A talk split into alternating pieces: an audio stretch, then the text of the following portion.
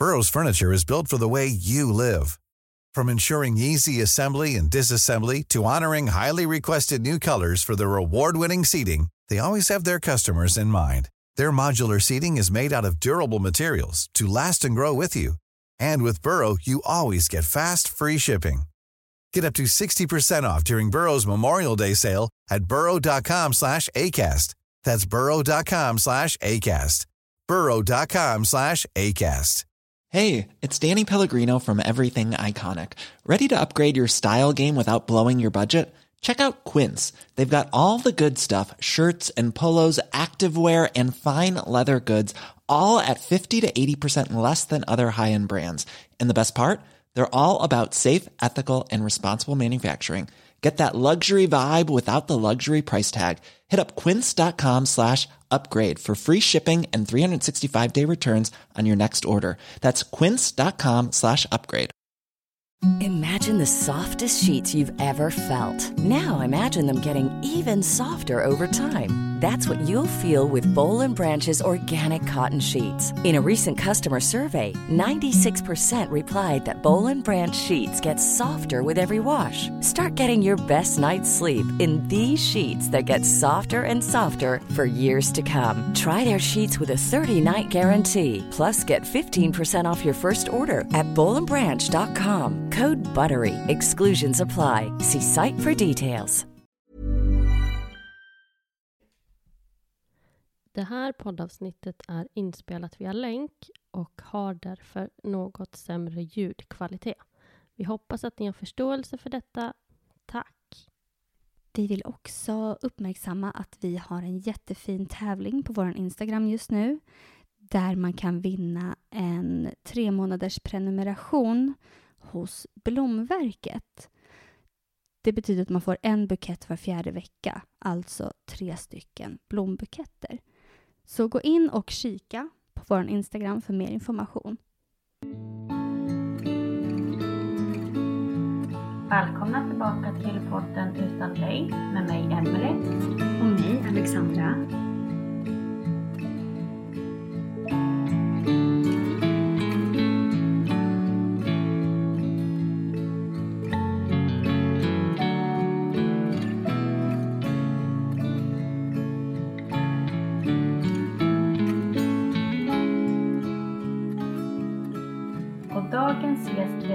Åsa. Och tillsammans med Åsa så har vi lilla Signe med också. Som ligger bredvid Åsa medan hon ska få berätta mer. Välkomna! Tack så mycket. Hur känns det här då? Eh, jo, nej, men det känns bra. Eh, jag har ju lyssnat mycket på er podd och ja, många olika avsnitt och, och eh, i den situationen jag och min sambo befinner sig i så har det varit till stor hjälp att man inte känner sig liksom lika ensam i att gå igenom något sånt här svårt i att ha ett barn som liksom ska dö. Så att det, det har hjälpt mig mycket och inte ja, eh, känner mig så ensam i det liksom. För att, ja, ni vet när man kanske är inne i sociala medier och sånt där och folk får barn och det är liksom puss och gulligull och allt är så fint och sen så händer det här och man liksom hela världen slås i spillror, det man har liksom längtat efter hela livet och sen så blir det inte riktigt som man har tänkt sig och så. Men eh, jag är jätteglad för att vara här och eh, att få dela min historia eller våran historia. Tack! Jättefina ord. Det betyder jättemycket för oss när våran podd är betydelsefull för andra. Mm. Och du nämnde ju lite nu att ert barn kommer att dö. Vill du berätta vad det är som har hänt i er familj? Eh, nej men det är så här att jag och min eh, sambo Elin, vi eh, började ju försöka att skaffa barn här för, ja vad blir det, alltså det är en lång utredning när man liksom eh, lever som ett samkönat par. Och liksom det är utredningar man ska gå igenom och man ska göra sån här eh, bedömning om lämplighet för att få bli en förälder och ja men ta blodprover och, och så vidare och så. Eh, och eh, när vi hade, vi startade väl den här resan i januari 2020. Eh, och sen ja, gick det ganska fort faktiskt tills vi fick tilldelad en donator. Det beskedet, som om jag minns rätt, kom väl i, eh, ska vi se här, september 2020. Och då fick vi brev hem att eh, de hade som sagt hittat en donator och att vi kunde ta sådana här ägglossningstest och ja, men ringa liksom när eh, det var positivt på dem för att göra första försöket. Då.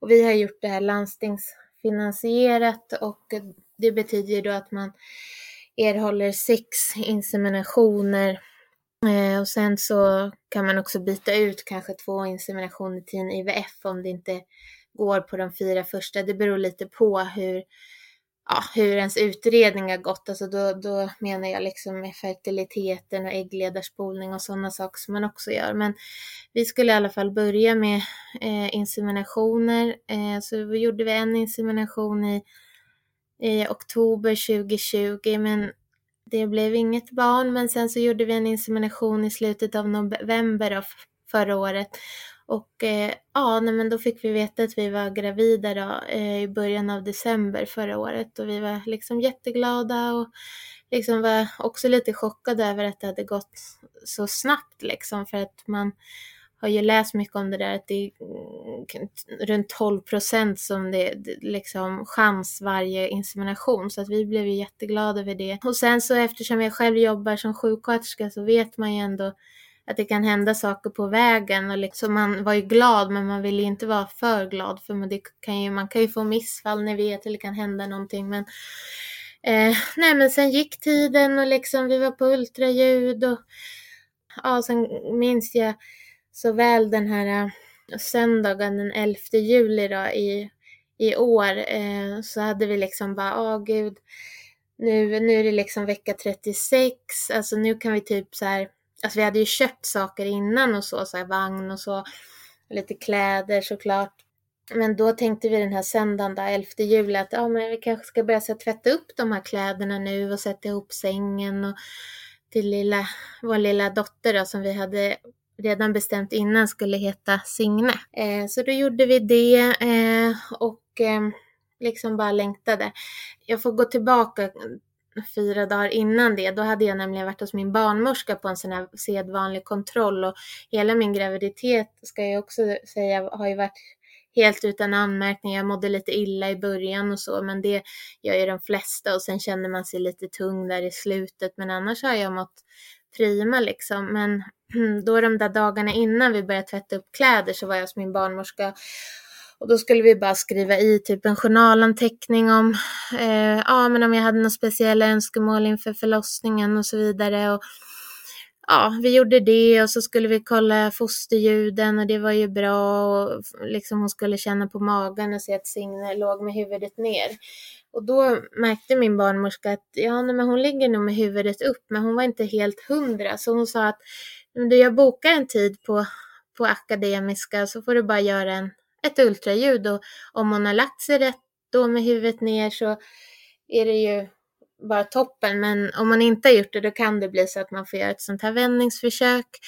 Men det, det är ingen fara med det liksom. Så att jag, jag var ändå så här rätt lugn efter det och, och min sambo Elin också. Så att ja, nej men där på söndagen var jag, det var ju dagen innan då jag skulle göra det här ultraljudet så kändes det ändå lugnt. Jag tänkte att ja, ja, då får man väl göra ett vändningsförsök liksom. Och det har man ju hört kanske gör ont, men ja, ja, det är inte hela världen. Eh, men så gick jag dit då den 12 juli och eh, ja, kom in till barnmorskan, påbörjade ultraljudet då. Och så säger hon att ja, nej men ditt barn ligger med huvudet ner. Och jag var ju själv eftersom det var ju fortfarande sådana här restriktioner om att man inte fick ha med sin partner om det inte var så speciella liksom grejer. Jag blev ju glad och bara, åh gud vad skönt att hon har lagt sig rätt igen då. Men toppen. Och så sa den här barnmorskan, ja men vi, eftersom det ändå är här så kan vi liksom eh, dubbelkolla bara att hjärta och hjärna och lungor ser bra ut. Men det, det gör det säkert, det har det ju gjort alla andra ultraljud. Så jag så absolut, vi kollar det och eh, så så kollar de väl hjärtat kommer jag ihåg. Och, Och de bara, ja det pickar på här jättebra och sen så kollade hon lungorna och de såg fina ut och jag tror hon tittade på njuren också. Och sen kommer hon ju då upp till hjärnan och liksom stannar till och jag liksom bara tänker så här, vad är det nu då? Kände jag direkt liksom och hon bara, ja det ser lite så här ut som lite mycket vatten så här i hjärnan och då tänkte jag så här, okej, vad betyder det? Och jag har ju hört talas om liksom något som heter hydrocefalus, då, vattenskalle. Och då tänkte jag, gud, tänk om vår dotter har det liksom.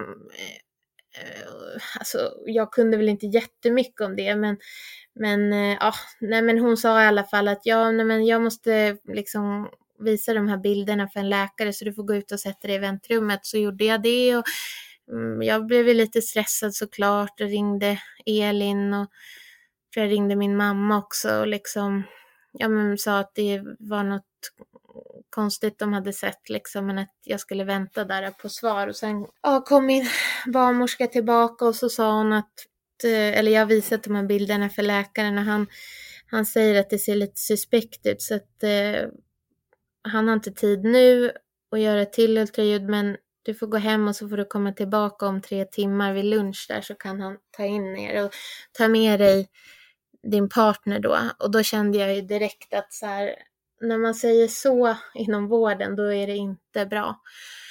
Så att det liksom, ja, jag ringde Elin igen såklart och ja, och sen träffades ju vi och sen åkte vi tillbaka till sjukhuset eh, och ja, vi kommer in där och eh, jag lägger mig på britsen och eh, ja, den här läkaren då gör ett nytt ultraljud och man ser på honom att han ser helt sammanbiten ut och jag bara känner vad, vad är det nu? Alltså vad är det här? Och då säger han att äh, jag kan inte säga helt säkert vad det är men det enda jag kan säga är att ett, ett barn är allvarligt sjukt. Eh, och man fattar, alltså det var ju liksom bara en chock, alltså det är liksom livet bara vändes upp och ner och man bara kände det här kan inte hända liksom nu. Alltså, va, alltså hittar de någonting nu? Nej men liksom man blev helt så chockad och vi försökte ju fråga men vad menar du med det? Och då sa han att eh, ja, jag kan inte helt säkert säga men jag kan inte se liksom alla delar som ska finnas i hjärnan och det kan vara så att det är liksom hjärnblödningar och hjärnskador men jag vet, jag kan inte helt säga det så att det jag rekommenderar nu är att vi ska göra en magnetkameraundersökning på ert barns hjärna då, alltså, sam, alltså när hon ligger i ja, min mage då. Och då sa vi okej, okay, nej men det får vi ju göra såklart. Eh, ja, och sen åkte vi hem och liksom ja, var helt chockad över det här eh, och liksom fattade ingenting liksom egentligen. Och, nej, och sen så tog det, vi fick ju vänta en vecka på att göra den här MRen och det var ju bara fruktansvärt. Man hann ju liksom både, ja, tänka det ena och det andra eller liksom man visste ju inte liksom, har kommer hon dö eller vad kommer hända eller har hon svårt hjärnskada eller liksom vad är, vad, vad kommer vad kommer den här magnetkameran visa liksom. Eh, nej, men sen när den här veckan hade gått och jag gjorde den här magnetkameraundersökningen så dagen efter det då, så fick vi komma åter till ja, fostermedicin då, där de skulle berätta vad de hade hittat och eh, ja, då kommer vi in där i rummet och det är flera olika läkare. Det, kommer, det var en barnneurolog och det var ja, foster, två från fostermedicin om jag minns rätt. Och då berättade ju de att de har hittat en, en 7-8 centimeter stor hjärntumör. Och liksom vi bara, va? Alltså hur kan man ens ha en hjärntumör när man inte ens är född? Alltså det var ju liksom jag har följt eh, liksom Livsmedelsverkets rekommendationer till gravida och jag har inte typ knarkat eller druckit alkohol. Alltså man börjar ju klandra sig själv. Vad har jag gjort för att det här ska hända? Och sen de var ju väldigt snälla och sa men det är inget liksom du har gjort oss utan det här det är liksom det är bara ren och skär otur. Och man kände bara så här, alltså ni skämtar. Alltså det är liksom Nej men det är ja, nej men det var bara en stor chock. Men oh, sen ändå när vi liksom hade sjunk, det här beskedet liksom hade sjunkit in eller vad man säger. Eh, eller ja, vad ska man säga, nej men vi kom hem och så här, då började vi ändå tänka så här att ja, nej men det kanske ändå är lite bättre prognos än om man hade haft liksom massa hjärnblödningar och hela hjärnan var skadad tänkte vi, för man kanske kan operera tumören eller liksom kanske kan få bort den. Och, ja, det var mycket som hände där, alltså, liksom, jag kommer väl inte riktigt ihåg allt för det var bara liksom, en chock alltihopa. Och, liksom, men det var ju mycket besök efter det här och hur man skulle liksom ja, hur man skulle ta ut Signe och, och, och ja, men vi var på massa besök, liksom. vi träffade en neurokirurg innan hon skulle tas ut som berättade liksom att han hade ändå förhoppning att vi, ja, när hon blev äldre kanske, kanske skulle kunna operera bort den, men han kunde inte helt säkert veta och sen så pratade även han om något som heter shuntoperationer och det är ju eftersom Signe hade en stor hjärntumör så gör det att den här eh, likvorvätskan, alltså hjärnvätskan vi har i huvudet, inte kan dräneras normalt. Så det hade ju gjort också att tumören hade stört den här funktionen att kunna dränera bort vätska från hjärnan. Och det var ju därför också eh, det var för mycket vatten i hjärnan, det de såg på mm, det första ultraljudet. Då. Han sa att de, de trodde att de skulle kunna göra en shuntoperation men de visste inte. Och det, det var mycket liksom man inte visste. Och att det var allvarligt och att det var svårt och det var liksom, ja, det var så det var.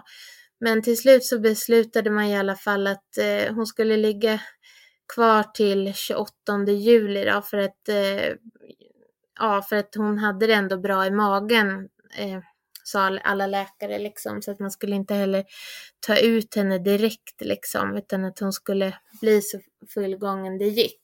Sen ville de ändå inte vänta för länge med att ta ut henne eftersom vad jag förstod att det också var en, en risk. Men de sa ju till mig att du kommer ju inte kunna föda ut henne vaginalt eftersom hon har ett onormalt stort huvud och det blir både en risk för dig och för Signe.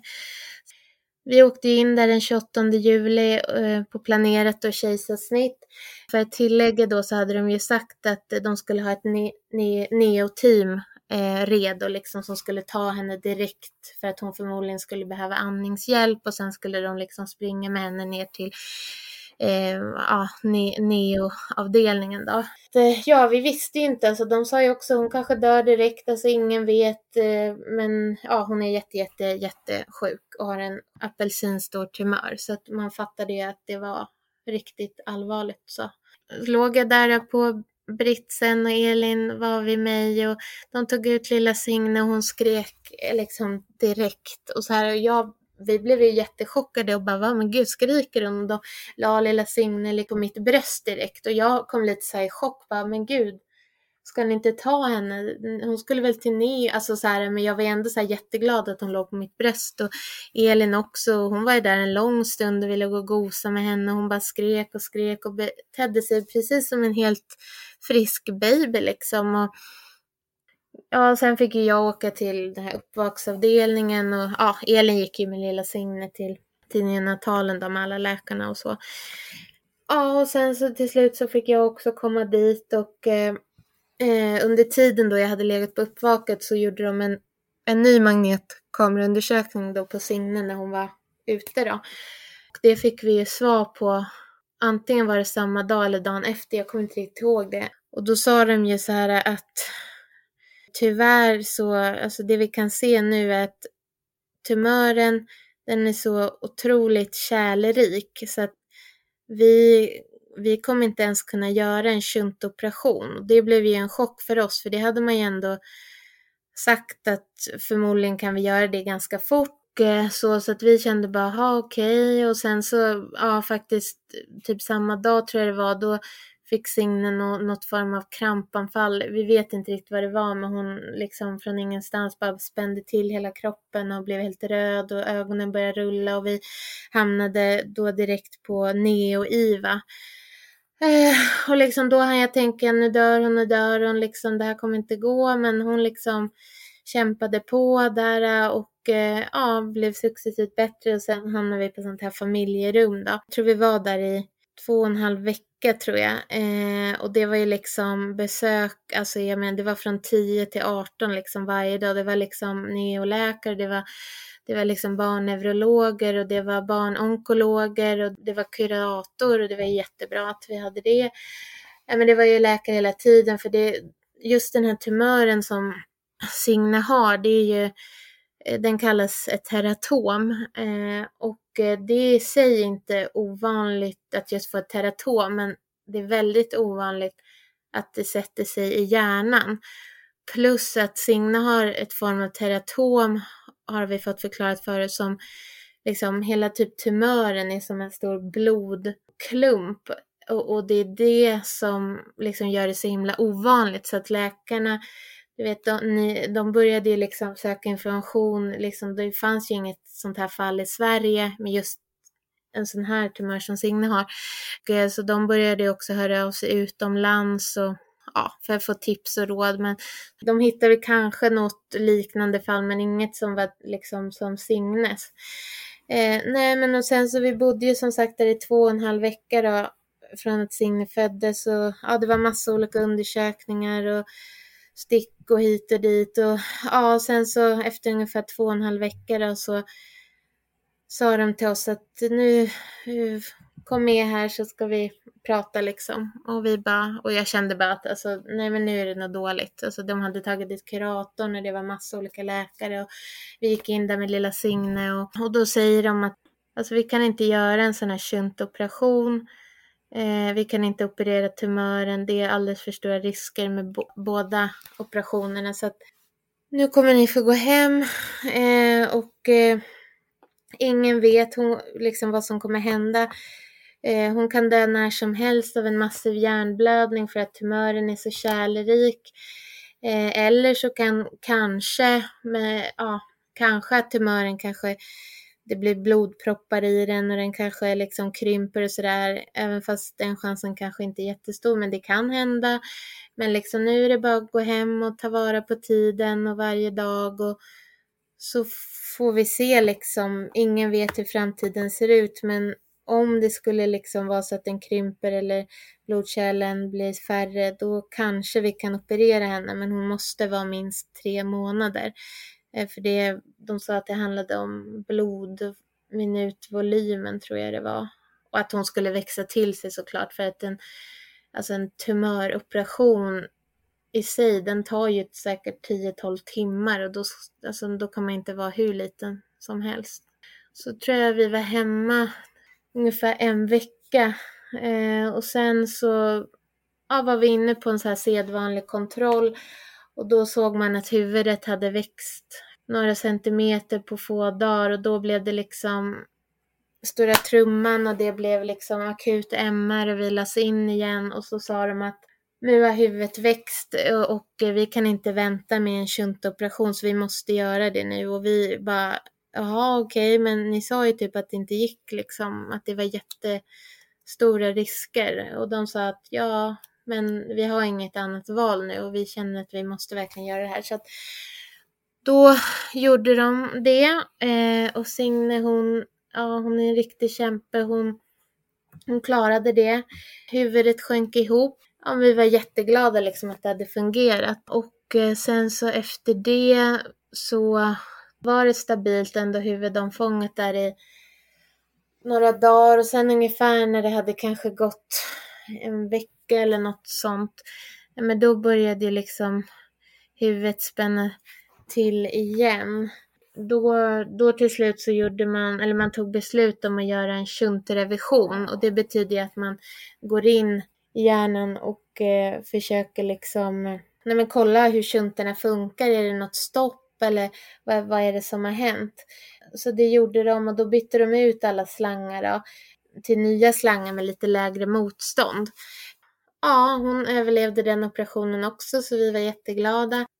Och eh, efter det så krympte huvudet igen. Eh, eh, men sen så började det växa ånyo och det började även då läcka vätska från hjärnan då via operationsåret. Och, Ja, men hur som helst så var det ändå stabilt några dagar och sen så skrevs vi faktiskt ut igen.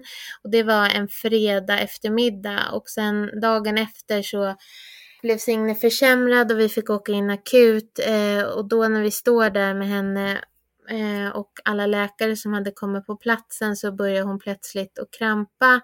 Hon fick andningsuppehåll och ytlig andning och då det var ju liksom kaos vid den situationen och jag bara sa liksom, är det, dör hon nu eller vad är det som händer liksom? Och eh, läkarna liksom pratade med varandra och sen sa de till oss att det här är Signes sätt att visa oss att eh, nu orkar inte hon mer liksom. Får ringa nu alla ni liksom vill ska komma och, och ta farväl av henne så att vi gjorde det och, och de sa ju även till oss att det, det är tal om timmar liksom kanske någon dag men hon kommer liksom inte överleva.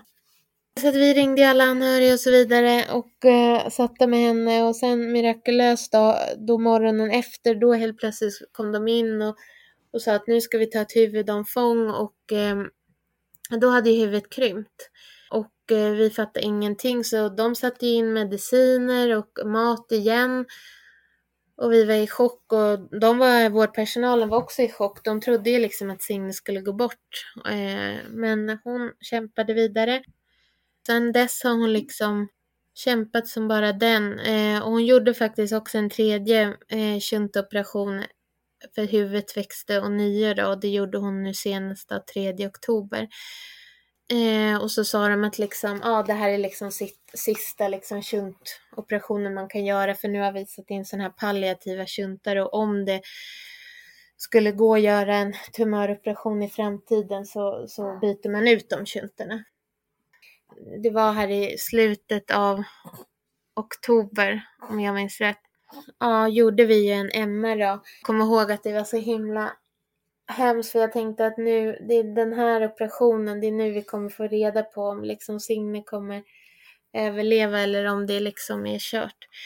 Och eh, ja, vi genomgick den och sen dagen efter så eh, fick vi träffa då barnneurologen och eh, eh, neurokirurgen då. Och då berättade de för oss att Signe inte kommer överleva, att tumören har liksom växt ännu mer, eh, den har infiltrerat ännu fler delar i hjärnan och eh, delar i hjärnan har även gått under och ja, att eh, det de kunde säga var att ja, hon kanske har veckor, någon månad, några månader om man har tur. Och det här var ju då ungefär en och en halv månad sedan.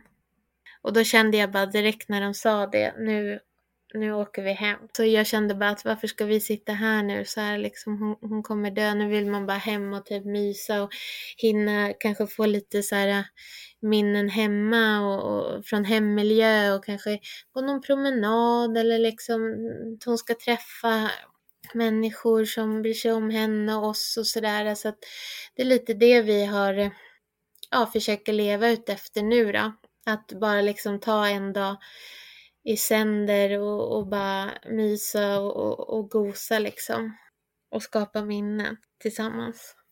Hela mm. familjen. För Signe har ju också två stora syskon som heter Julie och, och Max. Och de, ja, men de älskar ju att vara med Signe och tycker hon är så gullig. Och det har ju varit jättesvårt för dem också i det här liksom. Och vi har ändå varit väldigt öppna ända sedan vi fick reda på att Signe liksom var, var sjuk och så här att vi nej men faktiskt aldrig har vetat liksom hur det ska gå. Och nu vet ju de att det inte kommer gå liksom men de är så himla fina och barn är ju liksom barn, de är så himla bra på att vara liksom nuet och liksom de kan ju säga liksom ibland att åh det är så tråkigt att Signe ska dö men vi, vi måste försöka bara så här njuta av tiden och men skapa minnen och sådär. De är så himla kloka så det, ja, det är verkligen fint. Hur gamla är de? Eh, de är åtta och tio år. Nej men vi har det ju jättemysigt här hemma. Sen vi, vi har väl varit utskrivna nu i oh, helt utskrivna i kanske tre veckor. Eh, Men innan det var vi på mycket permissioner och så innan vi skrevs ut helt från att vi hade fått det här beskedet. Eh, men eh, sen så, så är vi alltid välkomna dit, det har ju de ju sagt och så. Om, vi skulle, om det skulle kännas så otryggt hemma eller ja, om det är något med Signe vi känner att vi inte kan hantera det och så, så är vi alltid välkomna dit och det känns ju tryggt och bra, tycker jag. Nu har vi ju också väldigt mycket så här hemma liksom som sug och syrgas och ja men olika mediciner att kunna ge vid behov om hon skulle få smärta eller ha ångest eller så, så har vi ju det hemma. Så det känns ju väldigt bra. Eh, och det är liksom, och jag är ju också så här sjuksköterska men det är lite så på gott och ont och det vet jag. Ja, jag har ju pratat med andra föräldrar som kanske har varit i ja, liknande sits och så. Det är ju som sagt lite på gott och ont, alltså man vet så mycket men man har ju ändå koll på mycket och så här, ja till exempel att man, jag kunde använda en sug innan och det känns ju tryggt och sådär såklart. Men det är tufft liksom när någon nära liksom drabbas av svår sjukdom. Det blir så. Jag kommer ihåg också många så möten vi, vi, vi satt med vårdpersonal och med kurator. Ibland kunde jag nästan så här, alltså gud är det jag som sitter här? Alltså det är ju jag, för jag, jag jobbar ju själv som sjuksköterska inom psykiatrin. Det är jag som brukar ha de här alltså samtalsstöden med mina patienter som kanske går igenom kriser och, och så vidare. Det blev så himla eh, kändes så konstigt att det var jag som var den här som var i kris liksom. Men, och som fick hjälp. Men det är jag jättetacksam för att vi, vi får och det har vi ju fortfarande. Ehm, alltså vi pratar med en kurator att ungefär en gång i veckan, ibland mer om vi behöver det och så. Eh, och det känns ju väldigt bra liksom. Och, och, och, och även fast man pratar med många vänner och familj och sådär och så, så är det bra också att prata med någon professionell liksom, tycker jag. Jag tror det var kuratorn som sa det, att, liksom, att leva i en sån här situation, liksom ha ett barn som när som helst kan dö. Det är typ lite som att leva i ett krig. Alltså man trippar hela tiden på tå och man är så på spänn och man liksom... Alltså du vet, ja. Man vet liksom aldrig när, när händer det. För att det har varit så många gånger. Det kan jag också säga. Det är ungefär, det är tre gånger som vi har verkligen trott att nu kommer hon gå bort. Nej men så Signe, hon är som kämpe.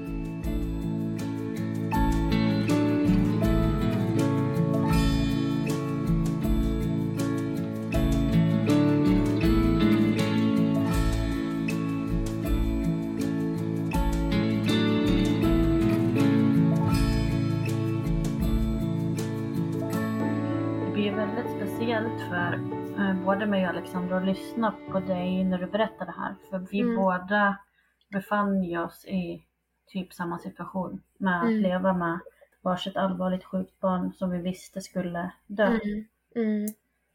Ja, vi lärde ju känna varandra då. Så ja. vi pratade ju mycket med varandra om, om just döden då och vad som skulle mm. hända och sådär. Gör ni det? Pratar ni mycket om just liksom, dödstillfällen? Ja, nej men det har vi gjort. Och även fast man liksom så här försöker så här, ja, vi vet ju att hon kommer dö, men alltså man vet ju ändå att man kommer bli helt chockad den dagen det händer såklart. Men ändå så försöker man på något sjukt sätt att förbereda sig, men det går ju inte att förbereda sig helt såklart. Men vi, vi har ju liksom tänkt att, eller tänkt, man vet ju inte när det händer eller hur och, och så vidare. De har ju sagt att med stor sannolikhet kommer Signe bara liksom somna in för att tumören eller annan hjärnvävnad liksom kommer trycka på andningscentra och hon kommer bara somna in och det, det känner man ju liksom vore det bästa för henne. Men sen har de ju också sagt att det kan också bli en sån här akut hjärninklämning för att, ja men vi säger att det blir stopp i shunten och så har inte vätskan någonstans att ta vägen och att hjärnan bara kläms in och det är ju enligt läkarna otroligt smärtsamt och det är också så smärtsamt att det är ingen typ smärtlindring hjälper. Man kan ge morfin men man kan inte ge morfin i den dosen som tar bort smärtan helt och det känns ju bara jättehemskt om det skulle bli så. Då får man ju bara hoppas att det går fort så att hon slipper lida liksom. Nej, men det är väl det vi har tänkt på, liksom sättet hon kommer dö på. Vi hoppas ju att hon bara somnar in liksom för ja men så att det blir så lugnt och stillsamt för henne liksom. Och sen har vi också liksom tänkt på, kommer det ske hemma eller på sjukhus? Och det har ju varit ganska så här, äh, man har känt sig mycket rädd och liksom, ska hon där hemma och liksom, oh det känns lite läskigt men nu känner vi väl ändå att vi har all utrustning och mediciner som vi skulle behöva om det skulle hända och att, ja men, att vi nog kanske förmodligen skulle kunna klara av det. Det beror ju helt på hur förloppet blir, men om hon dör hemma så har vi ändå liksom bestämt att vi kommer åka in till sjukhuset sen och liksom, ja men eh, typ eh, duscha henne och liksom sätta på henne fina kläder och sen att man får tydligen också om man vill så här, gå med henne till patologen och lämna henne där. Om hon dör hemma så kommer vi ändå åka in liksom så här och om hon dör på sjukhuset så kommer vi liksom ja, vara där och göra samma procedur liksom duscha henne där och klä henne i sin favoritpyjamas och gå med henne då sen till patologen. Det är liksom helt bisarrt att det är på riktigt det vi pratar om just nu. Ja, ja men det är det och jag känner, jag vet inte, jag kanske inte ska säga det men jag säger det ändå nu, men jag känner, min pappa dog för två år sedan och då tänkte man så här, eller alltså han var ju gammal och sjuk och det var ju jättehemskt såklart men nej men då tänkte man så här bara, ja men nu kan, nu får det väl vara lugnt ett tag för att han hade varit sjuk väldigt länge och inne på sjukhus och sådär och så tänkte jag liksom, kommer jag ihåg också sen när jag blev gravid att Åh gud, så här, gud vad glad man är men åh, jag är också ledsen att Signe aldrig kommer träffa liksom sin ena morfar. Och sen så bara ska hon liksom dö nu. Alltså det är ju bara, usch det är så onaturligt. Att barn ska liksom dö, det är liksom, det är bara, det är inte rättvist.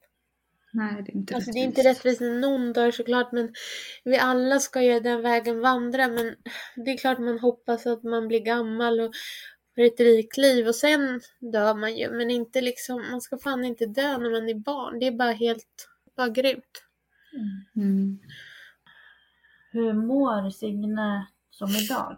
Men idag, eh, alltså det som är liksom med henne så hon är väldigt så här Alltså, som jag sa i början här, så de första tre veckorna i livet, då var hon precis som en helt vanlig baby. Hon liksom, jag ammade henne, hon eh, tog flaska ibland för jag skulle säkerhetsställa att hon fick i sig tillräckligt med mat. Alltså hon skrek, hon liksom tittade och hon var nyfiken och liksom, ja men som en Ah, nyfödd bebis beter sig liksom. Och läkarna var också chockade då. Men efter den här första köntoperationen så slutade ju skrika och sen har det ju bara gått ut för. Eh, och så som det är just idag eller liksom som det har varit senaste tiden. Alltså Signe är ju väldigt stillsam och mestadels är hon väldigt så här, ja men rofylld och ja, hon sover ju mycket och men tittar lite ibland och gör lite små ljud ifrån sig ibland och, och, och så men Alltså det är, det är ju det här med huvudet liksom att eh,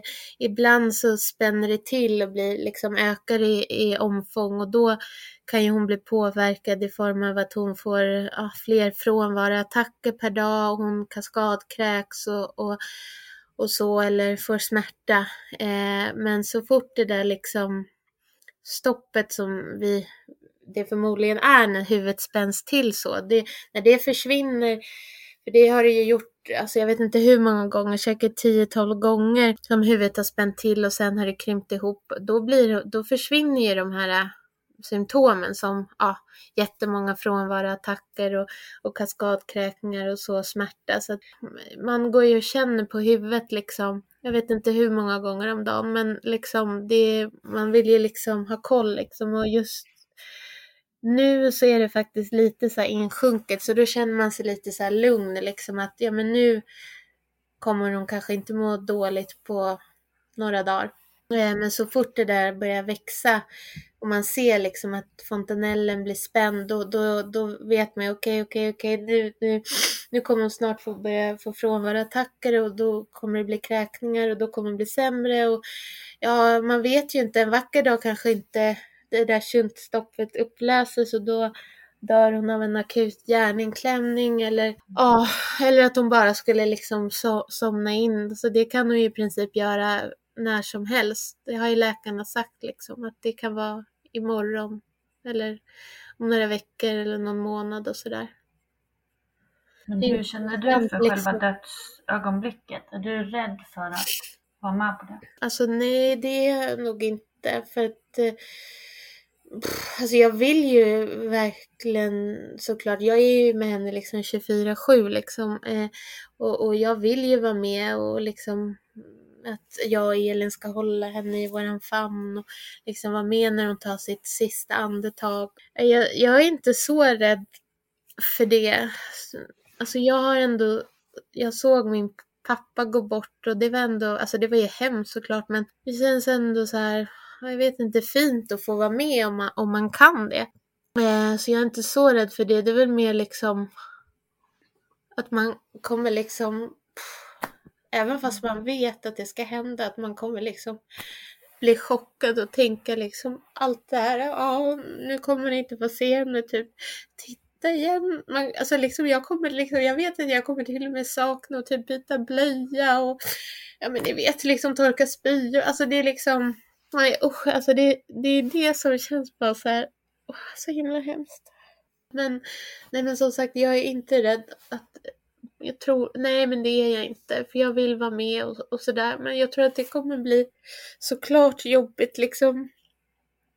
Ja men och liksom duscha henne och, och klä på henne fast det ändå kännas fint tror jag. Eller jag vet att det kommer göra det men alltså när jag tänker bara så att vi ska gå till patologen och lämna henne alltså det, usch, det är bara fruktansvärt.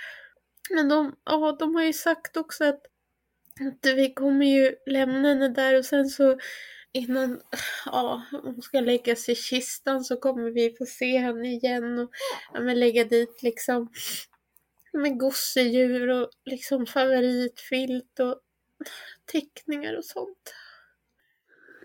Just den liksom, känslan och tanken är ju så himla overklig. Ja, ja gud ja. Alltså, och det, man känner ju ibland liksom Gud, alltså tänk om jag skulle vakna typ från den där mardrömmen och bara gud vilken hemsk dröm jag hade. Och sen inser man varje morgon att nej det är fan verklighet. Alltså det är ju det är bara helt fruktansvärt. Jag kan typ tycka, för att vi, både jag och Emelie har ju varit med om det här. För Ja. tre år sedan blir det ju för Emelie imorgon va? Mm. Det blir så overkligt för en själv. Alltså jag kan känna såhär, men Mm. gud, alltså har jag, har jag varit med Mm. om det som du vet Ja. att du kommer vara med om? Ja. Alltså man tänker fortfarande bara att det är en dålig film eller som du sa också att det är så här, man vill bara vakna från ja. Ja. Men det är det, det sjuka är att liksom, alltså du vet jag har ju alltid så här gillat typ, alltså så här, och, men du vet jag brinner otroligt mycket för mitt yrke som sjuksköterska inom psykiatrin och liksom att hjälpa människor i nöd och liksom det kan ju kanske tyckas ko- konstigt så här, men jag typ lägger, men jag har mycket så här tittat på ni vet Sofias änglar, du vet och så jag tycker det är så himla, alltså det är ju fruktansvärt, det är liksom, där är ju både vuxna och barn som dör och så, men jag har tittat på det mycket liksom förut så här, och även nu när vi är med om det här och liksom tänkt så här, åh gud så himla hemskt men det är så fint hur liksom folk ställer upp för varandra och gud man ska verkligen ha perspektiv på livet och man ska vara tacksam för varje dag. Det är liksom, jag brukar vara den här människan som typ när någon säger så här, åh gud jag har åldersnoja, typ imorgon fyller jag år typ och, och jag brukar vara den här tråkiga som bara, men så, nej men tänk vad glad du ska bli att du blir ett år äldre. Det är inte alla som blir. Alltså du vet, jag, och jag har känt så här att jag alltså, har varit den här personen som alltid så här försöker ja, men, ja, men stanna upp och liksom så här, gud jag är så tacksam, jag har det här och det här och det här och inte hela tiden så här, ni vet, vara girig och tänka så här, ja men jag mår, liksom gud jag blir lyckligare om jag går ner i vikt eller köper de där kläderna eller typ det, det, det, gör de där sakerna utan åh man ska vara så tacksam och så bara Alltså jag, jag, jag ho- hoppas ju ingen får vara med om detta såklart men du vet ibland har jag tänkt så här hur fan jag hade redan perspektiv på livet. Jag fattar inte, ja men förstår ni? Alltså man blir så här Mm. gud jag, jag har redan perspektiv på livet och är tacksam. Så varför, nej men, varför ska jag drabbas? Men det är klart att ingen ska behöva drabbas av något sånt här. Men jag vet inte, man har ju, har ju så mycket tid att tänka och liksom, ah, man känner ju, det kan jag känna med Signe liksom, att jag, jag är ju samtidigt som jag är helt överlycklig över att hon är här och liksom kollar på henne, hon är liksom min gulliga dotter och liksom, jag har drömt om barn sedan jag själv var barn och alltså jag hade till och med liksom innan jag träffade Elin då liksom tänkte att ah, om jag inte träffar någon då ska jag åka till Danmark och skaffa barn själv för det är liksom livet att få barn. Alltså jag har verkligen, alltså jag älskar barn så otroligt. Och så liksom, ja men blir vi gravida och vi får ett barn och så ska hon dö. Alltså det är bara, mm. nej men det är bara, det är, nej. Jo men jag förstår precis för jag har oh. känt likadant. Eh, sen, alltså, alltså, oh. Jag förstår precis din känsla och din tanke. Mm. Ja, och det är ju verkligen så att alla tankar och känslor får ju man ha. Ja. Det finns liksom inget rätt eller fel när man befinner sig i en sån där situation. Nej, nej precis. Man tänker ju mycket så här, vad har jag gjort för fel? Varför ska jag drabbas? Har jag varit så här ond i mitt liv? Nej men alltså, mm. ni vet, ja. men ja, och så säger läkarna liksom, ja men det här är, det är bara ren och skär otur, typ. Man bara, alltså, oh Alltså jag menar, det hade varit fruktansvärt såklart. Alltså, lika hemskt och jobbigt liksom om det hade varit någon annan form av sjukdom och sådär. Men oh, ni fattar, alltså man tänker, man, gud vad man tänker, alltså gud. Både fram och tillbaka och hit och dit och liksom försöka så här, hitta någon form av mening med det här. Men det finns fan ingen mening alltså. Nej. Eller vad är meningen med att ens barn ska dö? Alltså det finns ingen mening i det liksom. Nej. Hey, I'm Ryan Reynolds. Recently, I asked Mint Mobile's legal team if big wireless companies are allowed to raise prices due to inflation. They said yes. And then when I asked if raising prices technically violates those onerous two year contracts, they said, What the f are you talking about, you insane Hollywood ass? So to recap, we're cutting the price of Mint Unlimited from $30 a month to just $15 a month. Give it a try at mintmobile.com slash switch. $45 up front for three months plus taxes and fees. Promoting for new customers for limited time. Unlimited more than 40 gigabytes per month. Slows. Full terms at mintmobile.com.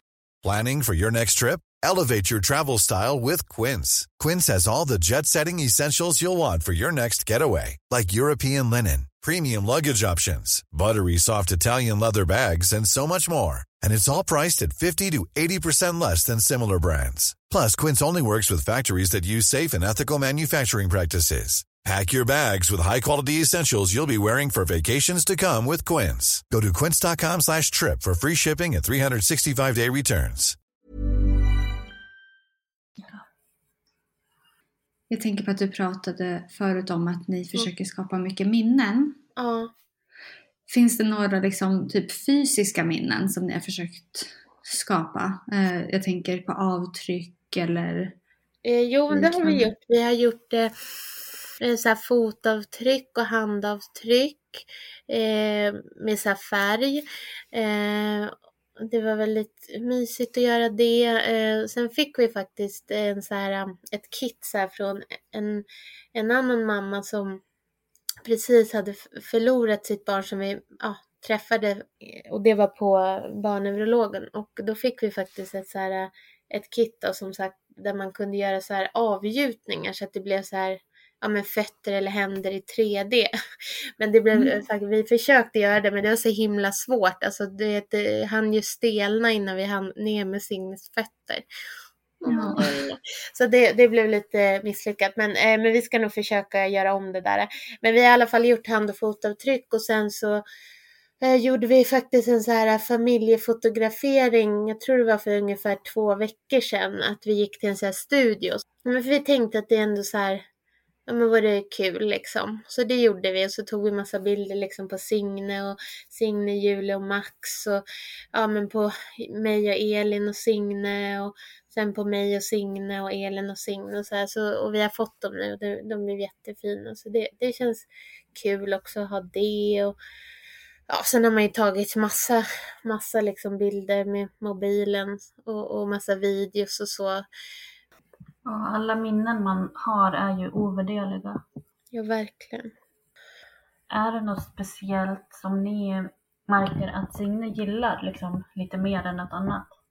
Ja, det är lite svårt för att alltså, de har ju sagt till oss Alltså de tror ju att hon hör och det tror vi också. Eller hon gjorde sådana hörseltest, alltså, fast det var i och för sig när hon var nyfödd. Men, eh, men det, tror, det känns ändå som att hon hör när vi är nära och sådär. Men de har ju sagt att hon med stor sannolikhet är blind eftersom tumören har liksom förstört delar i syncentra. Men hon tittar ändå runt och så här, men hon kanske ser lite. De kan inte med helt 100% säkerhet säga att hon inte ser någonting. Men, nej, men vad hon gillar, alltså det är liksom lite sådär svårt att säga. Alltså för att hon är ju så pass liksom, alltså hon gör inte så mycket så här väsen av sig eller vad man ska säga. Men alltså hon gillar ju mycket att ligga på rygg.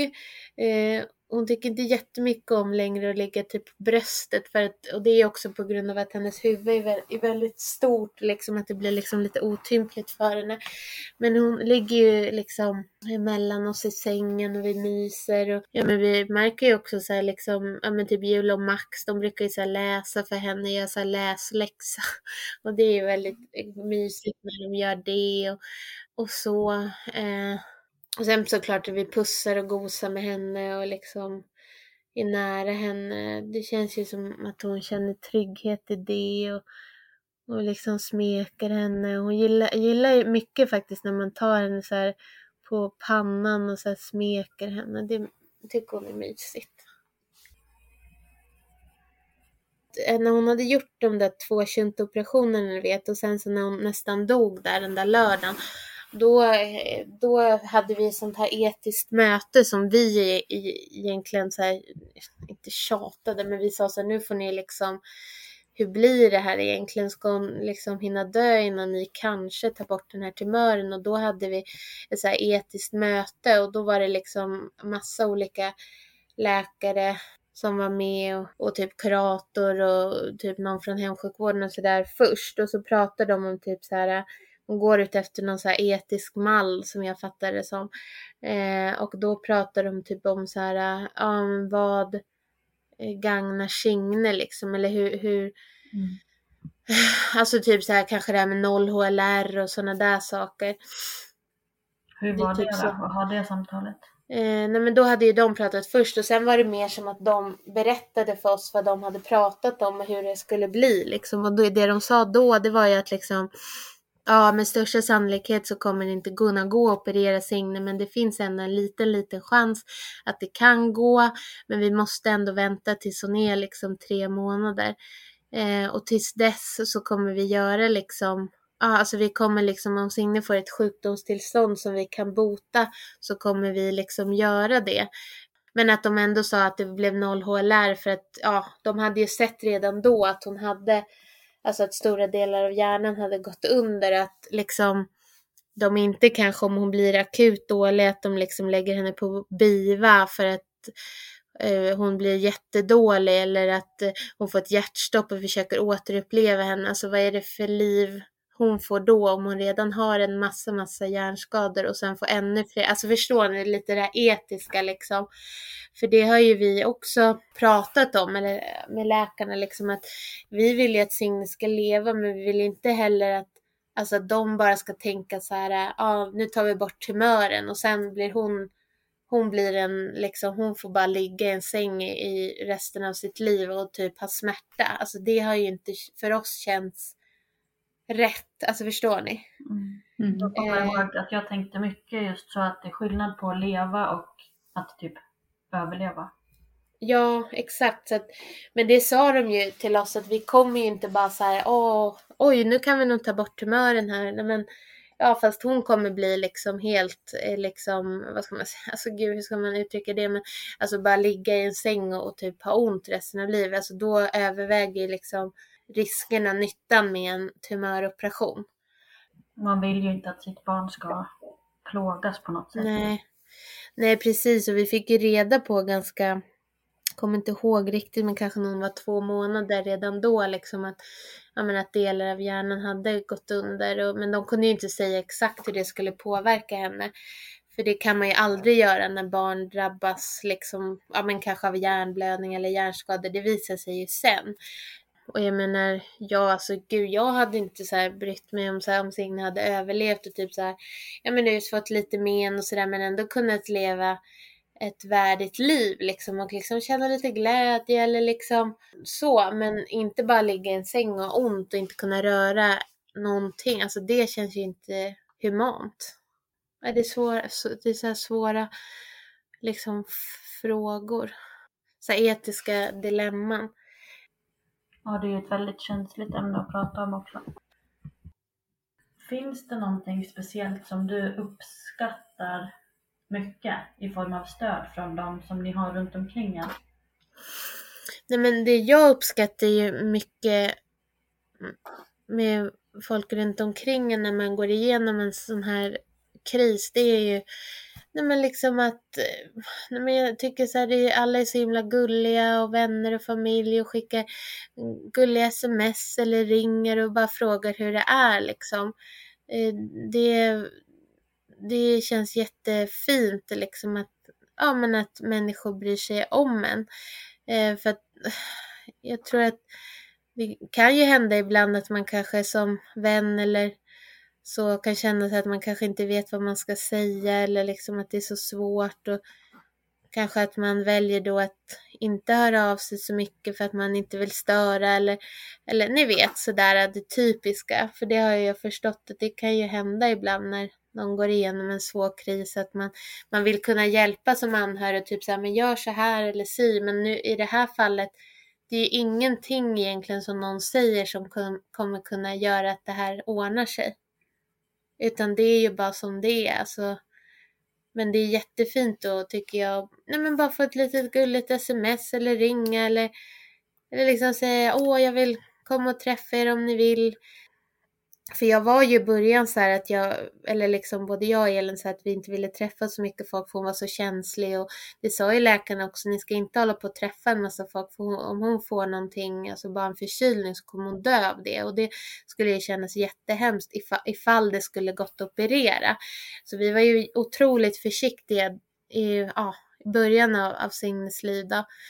Men efter att vi fick reda på det här med med att, ja, alltså att hon inte kommer överleva så, så är vi fortfarande försiktiga. Vi tar ju absolut inte hit någon som är sjuk eller så, utan så är det ju. Men, men liksom att, ja men är man frisk och, och så, så kom och träffa oss. Alltså det, vi tycker bara det är roligt. Sen såklart, ibland vill vi vara ensamma för att det, och vila och eller kanske bara vara liksom jag, Elin och Julia och Max och lilla Signe. Alltså ni vet, så. Både att man hinner vila så att det blir, men ändå så träffa ja, men folk och så för att skapa minnen och ta bilder. Och, men det känns också väldigt fint och bra liksom.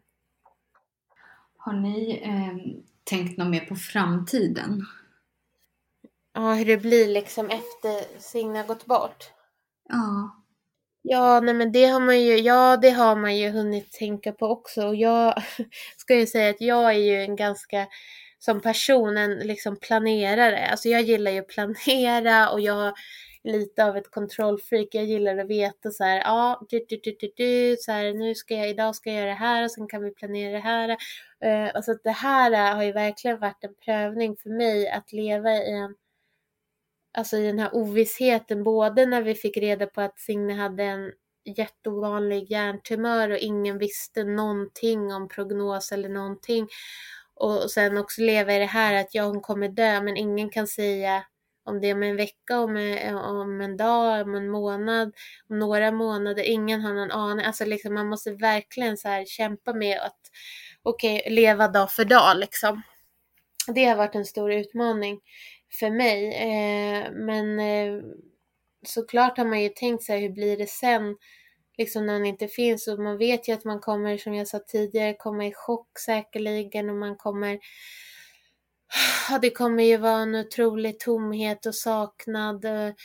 Eh, man kommer inte må så bra men ja, sen eftersom min pappa gick bort för ungefär två år sedan så vet ju jag lite sådär vad att det är mycket så här praktiskt och planera begravning och sådana saker som ja, såklart vi ska göra och göra en jättefin begravning för Signe och, och såklart och ordna gravsten och allt sådant. Och, men sen tror jag även att man kommer ja men säkerligen vara sjukskriven ett, ett tag och liksom bara sörja och att ta en, försöka ta en dag i sänder liksom.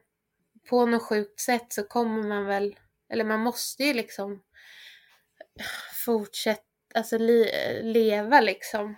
Alltså så här, och det blir väl förhoppningsvis så lättare kanske och liksom man kommer ju alltid ha liksom en sorg och en saknad liksom men ah, förhoppningsvis så må, det måste ju bli lättare med tiden i alla fall.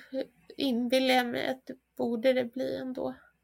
Mm. Sen kommer det säkert vara upp och ner och liksom ena dagen kan man ändå må helt okej okay och andra dagen kanske man bara gråter. Alltså det är inget konstigt med det och så är det ju just nu också. Alltså jag kan ju må, må helt okej okay, liksom flera dagar i rad och bara känna sen bara åh jag är så himla lycklig och tänka att lilla Signe ligger här och hon är våran dotter och det är så mysigt och samtidigt som jag, ja, som kanske idag när man bara har varit så himla ledsen och, och liksom ja men tänker på det som ändå kommer komma som man inte kan liksom det går inte, alltså det kommer komma hur, hur gärna man än inte vill att den dagen hon går bort ska komma liksom. Mm. Så vet man ändå någonstans att den kommer ju någon gång.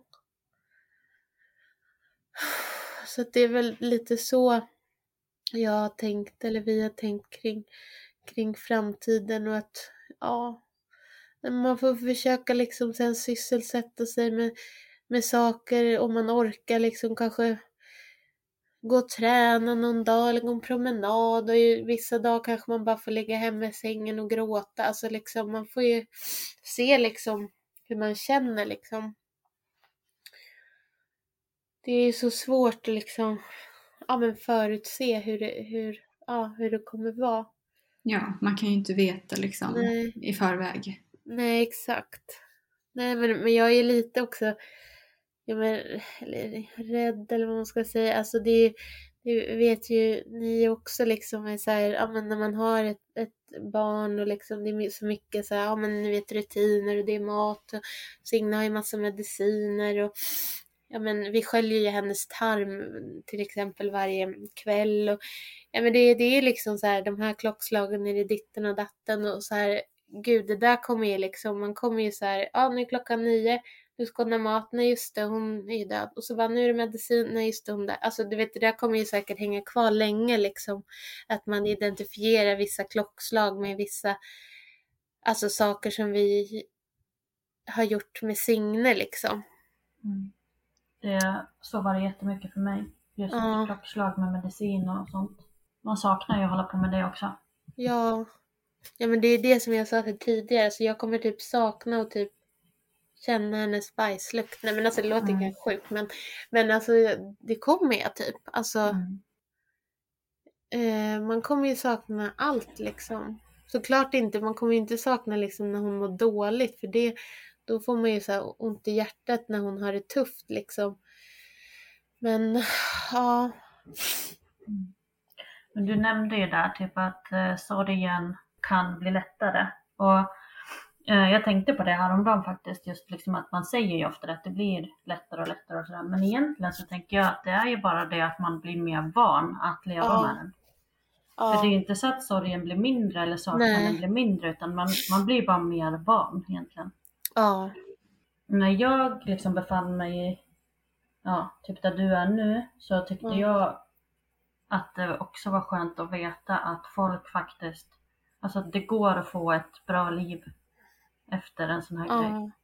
Ja, Som både jag och Alexandra, vi är ju liksom, vi har båda förlorat barn men vi kan också liksom vara glada och vi kan känna lycka. Ja. Nej men det känns ju jättefint att höra liksom. För man undrar ju ibland hur fan ska man överleva? Alltså mm. hur är det möjligt? Hur ska man liksom kunna bli glad igen eller sådana där saker tänker man ju men mm.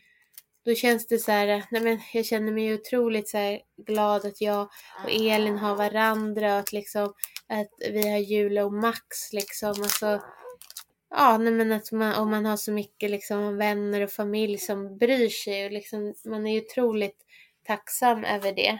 Eh, ja, nej men och som ni sa det här med att bli van, alltså det kan jag också känna i den situationen är att man liksom, man är inte van. Alltså det kommer jag ihåg någon gång på sjukhuset också, så här, det var någon kompis som hörde av sig så bara, ja hur är det idag? Så bara, ja nej, men nu ska vi gå och göra ett ultraljud så här, och kolla om hon har fått en hjärnblödning. Alltså det var så här, så här vardagsmat liksom, för man blev så van. Man bara, ja nej men nu kanske hon har fått det, men ja.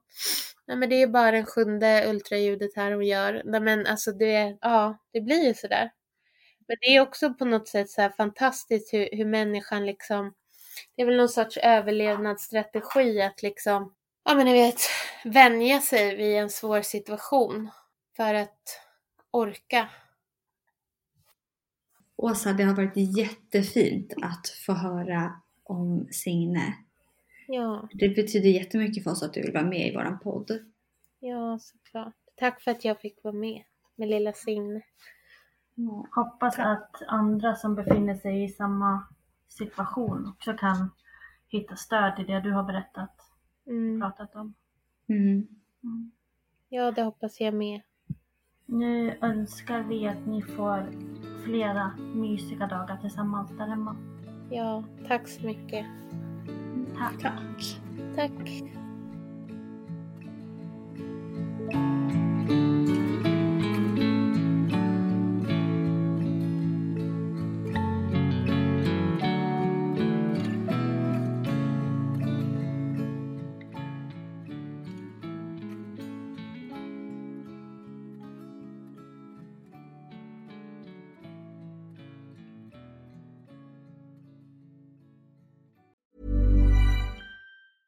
Even on a budget, quality is non-negotiable. That's why Quince is the place to score high-end essentials at 50 to 80% less than similar brands. Get your hands on buttery soft cashmere sweaters from just 60 bucks, Italian leather jackets, and so much more. And the best part about Quince, they exclusively partner with factories committed to safe, ethical, and responsible manufacturing. Elevate your style without the elevated price tag with Quince. Go to quince.com slash upgrade for free shipping and 365-day returns.